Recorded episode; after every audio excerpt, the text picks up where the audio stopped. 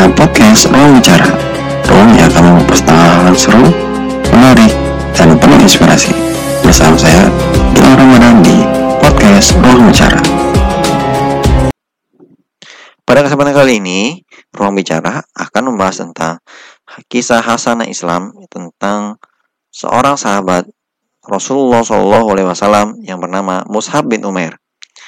Dia adalah salah seorang di antara para sahabat Nabi ia seorang remaja Quraisy terkemuka, gagah dan tampan, penuh dengan jiwa dan semangat kepemudaan, di mana para ahli sejarah melukiskan semangat kepemudaan beliau dengan sebuah kalimat seorang warga kota Makkah yang mempunyai nama yang paling harum ialah Mus'ab bin Umair. Mus'ab bin Umair lahir dan dibesarkan dengan kesenangan dan tumbuh dalam lingkungannya.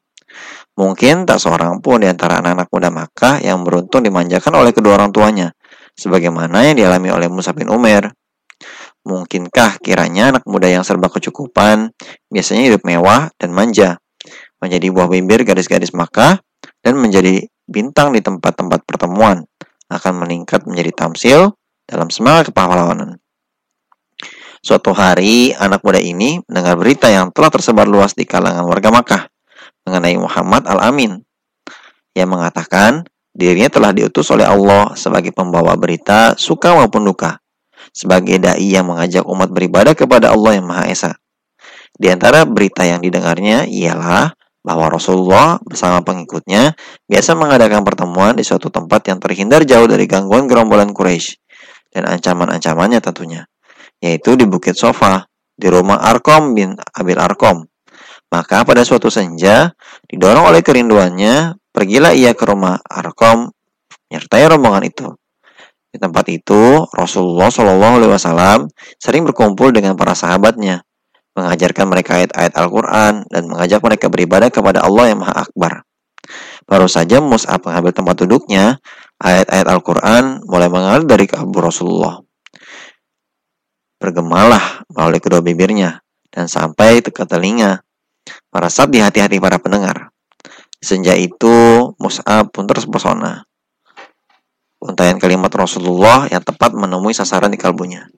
Hunas binti Malik, yakni ibunda Mus'ab, adalah seorang yang berpribadian kuat dan pendiriannya tak dapat ditawar atau diganggu-gugat. Ia wanita yang disegani bahkan ditakuti. Ketika Mus'ab memeluk Islam, ketika Mus'ab memeluk Islam, tiada satu kekuatan pun yang ditakuti dan dikhawatirkannya selain ibunya sendiri.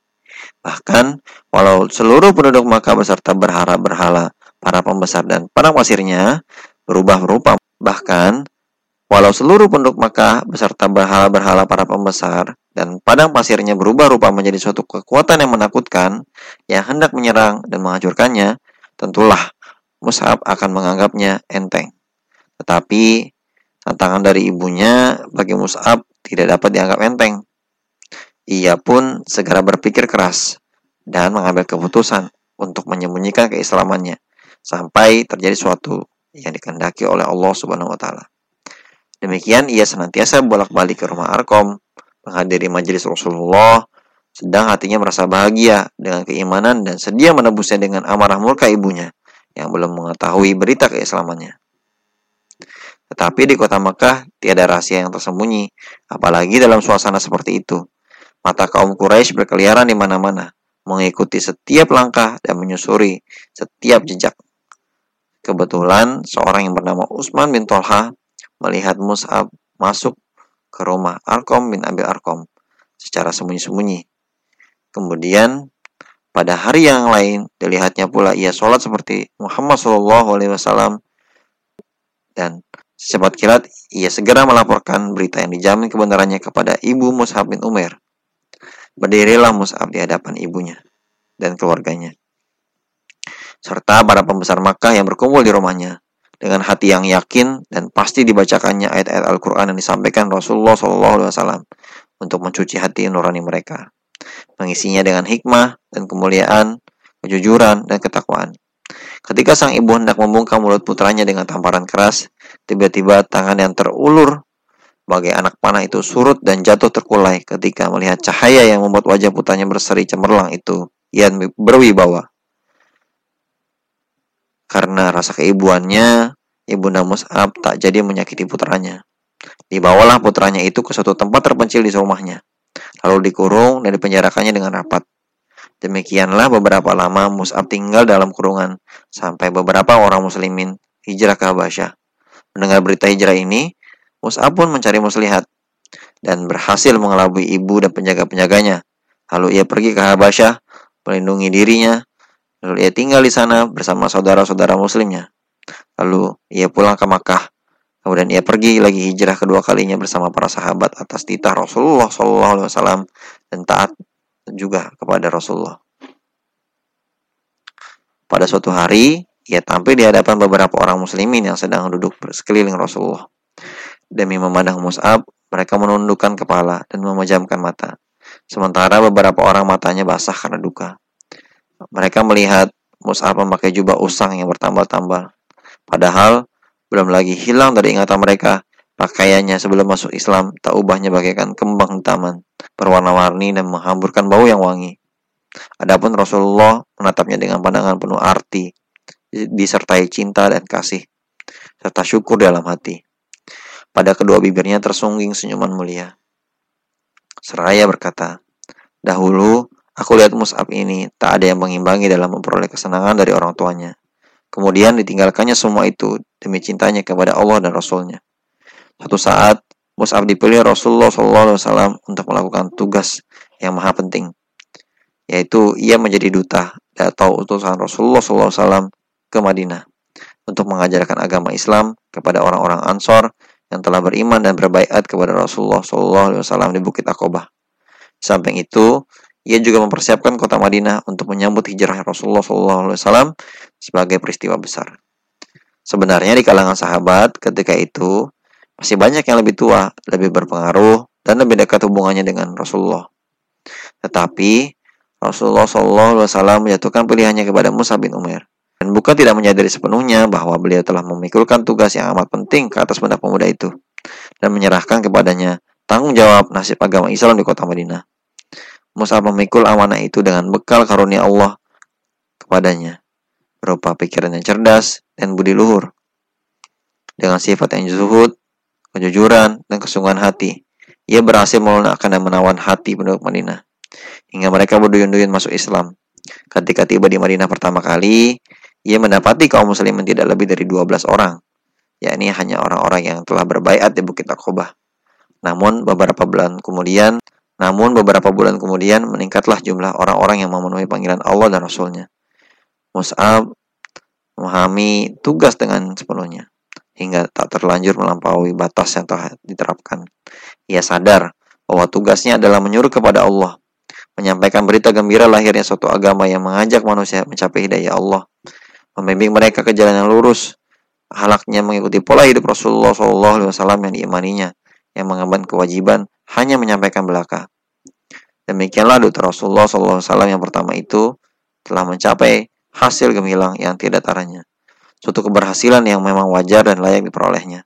Dalam perang Uhud, Musa bin Umar adalah salah seorang pahlawan dan pembawa bendera perang. Ketika karena situasi mulai gawat karena kaum muslimin melupakan perintah Nabi, maka ia mengacungkan bendera setinggi-tingginya dan bertakbir sekeras-kerasnya. Lalu ia maju menyerang musuh. Targetnya untuk menarik perhatian musuh kepadanya dan ia membentuk barisan tentara dengan dirinya sendiri. Tiba-tiba datang musuh bernama Ibnu Kumayyah dengan menunggang kuda, lalu menebas tangan Mus'ab hingga putus. Sementara Mus'ab meneriakkan, Muhammad itu tiada lain, hanyalah seorang Rasul yang sebelumnya telah didahului oleh beberapa Rasul. Maka Mus'ab memegang bendera dengan tangan kirinya, sambil membungkuk melindunginya. Musuh pun menembas tangan kirinya itu hingga putus. Musa membungkuk ke arah benderanya. Lalu dengan kedua pangkal lengannya, ia meraih ke dadanya sambil berucap, Muhammad itu tidak lain, hanyalah seorang Rasul dan sebelumnya telah diutus Rasul-Rasul sebelumnya. Lalu orang berkuda itu menyerang ketiga kalinya dengan tombak dan menusuknya sehingga tombak itu pun patah. Musa pun gugur dan benderanya jatuh. Ia gugur sebagai bintang dan mahkota para syuhada. Rasulullah SAW bersama para sahabat datang meninjau medan pertempuran untuk menyampaikan perpisahan kepada para syuhada.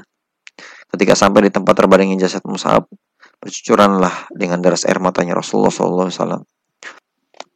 Tak sehelai pun kain untuk menutupi jasadnya selain sehelai burdah. Andai ditaruh di atas kepalanya, terbukalah kedua belah kakinya. Sebaliknya, bila ditutupkan kakinya, terbukalah kepalanya. Maka Rasulullah SAW bersabda, tutupkanlah ke bagian kepalanya dan tutupkanlah kakinya dengan rumput izkir.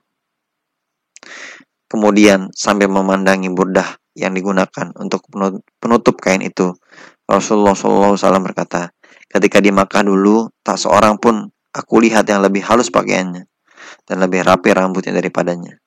Tetapi sekarang ini, dengan rambutmu yang kusut masai, hanya dibalut sehelai burdah. Setelah melayangkan pandang ke arah medan laga, serta para syuhada kawan-kawan Musab yang tergeletak di atasnya, Rasulullah berseru, Sungguh Rasulullah, sungguh Rasulullah akan menjadi saksi nanti di hari kiamat bahwa kalian semua adalah syuhada di sisi Allah. Kemudian Sambil berpaling ke arah sahabat yang masih hidup, Rasulullah SAW bersabda, Hai manusia, berziarahlah dan berkunjung kepada mereka, serta ucapkanlah salam demi Allah yang menguasai nyawaku. Tak seorang muslim pun sampai hari kiamat yang memberi salam kepada mereka, pasti mereka akan membalasnya. Itulah kisah Mushab bin Umar.